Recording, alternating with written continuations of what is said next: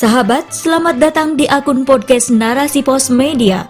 Saya Mai Rohmah, inilah rubrik Opini. ASEAN bersatu, atasi krisis Myanmar, mampukah?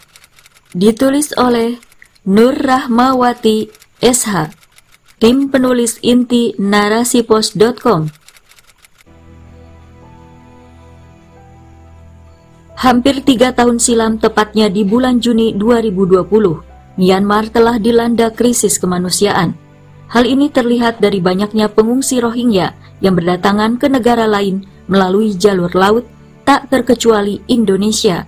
Apalagi, usai junta militer melancarkan kudeta pada 1 Februari 2021. Krisis politik dan kemanusiaan di Myanmar pun mencapai puncaknya Menanggapi persoalan tersebut, ASEAN melakukan rapat yang salah satu topik bahasannya guna membantu atasi krisis Myanmar. Namun, ada sejumlah laporan yang menyatakan bahwa anggota asosiasi tersebut tak satu suara dalam menyikapi persoalan di Myanmar. Menteri Luar Negeri RI, Retno Marsudi, menegaskan bahwa ASEAN satu suara dalam membantu penanganan konflik Myanmar ketika menggelar pertemuan ASEAN Foreign Minister Retreat di Gedung Sekretariat Jakarta. Sebagai tuan rumah sekaligus ketua ASEAN, Indonesia telah melakukan pendekatan terhadap Myanmar. Upaya ini disampaikan dalam pertemuan Dewan Koordinasi ASEAN ke-32 di Sekretariat ASEAN Jakarta pada Jumat 3 Februari. Pertemuan tersebut membahas lima poin konsensus di antaranya kekerasan di Myanmar harus segera dihentikan.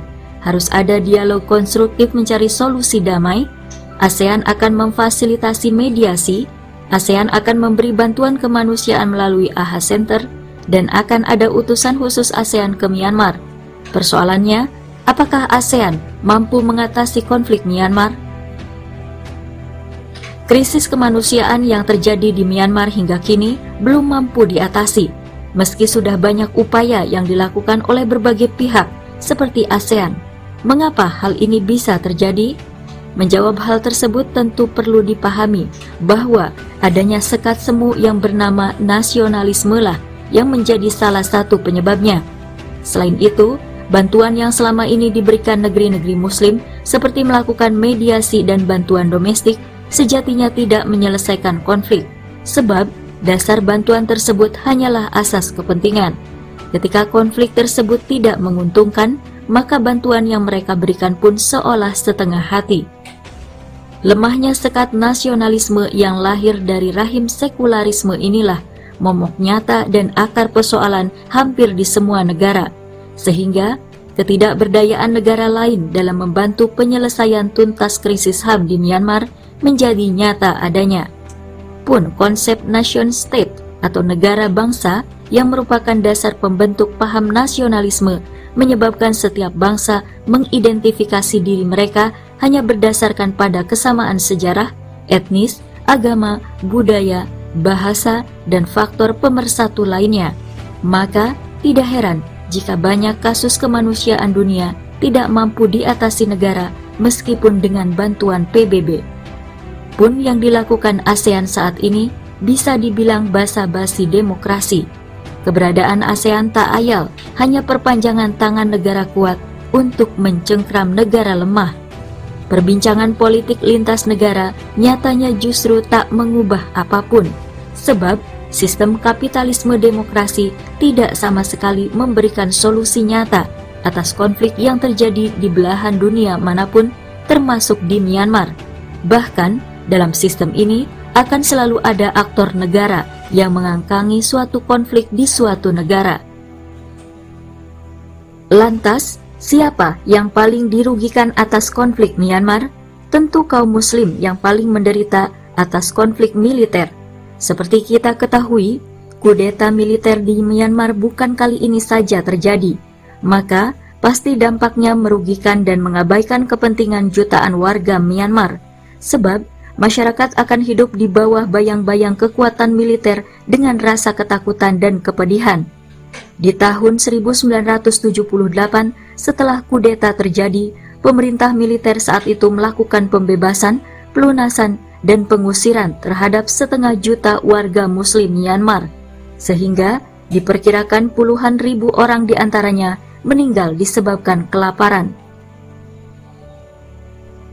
Belenggu sistem sekularisme kapitalisme yang melahirkan sekat nasionalisme inilah yang hingga kini menjerat leher-leher umat Muhammad Shallallahu Alaihi Wasallam sehingga memandulkan kekuatan kaum muslimin Keberadaan negara mayoritas muslim seperti halnya buih di lautan yang sama sekali tidak berpengaruh, bahkan hanya menjadi korban atas penindasan negara lain.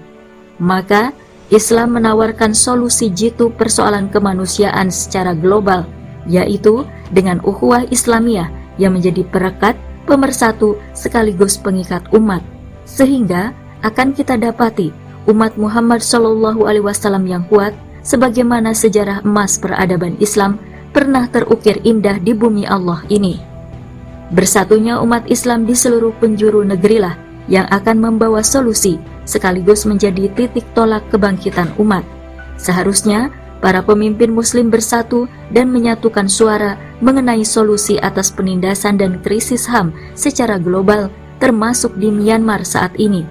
Persatuan yang diikat dengan pemikiran, perasaan dan peraturan yang sama, di mana semua ini lahir dari akidah yang sama, yaitu akidah Islam, sehingga bantuan yang diberikan tidak lagi sebatas bantuan domestik.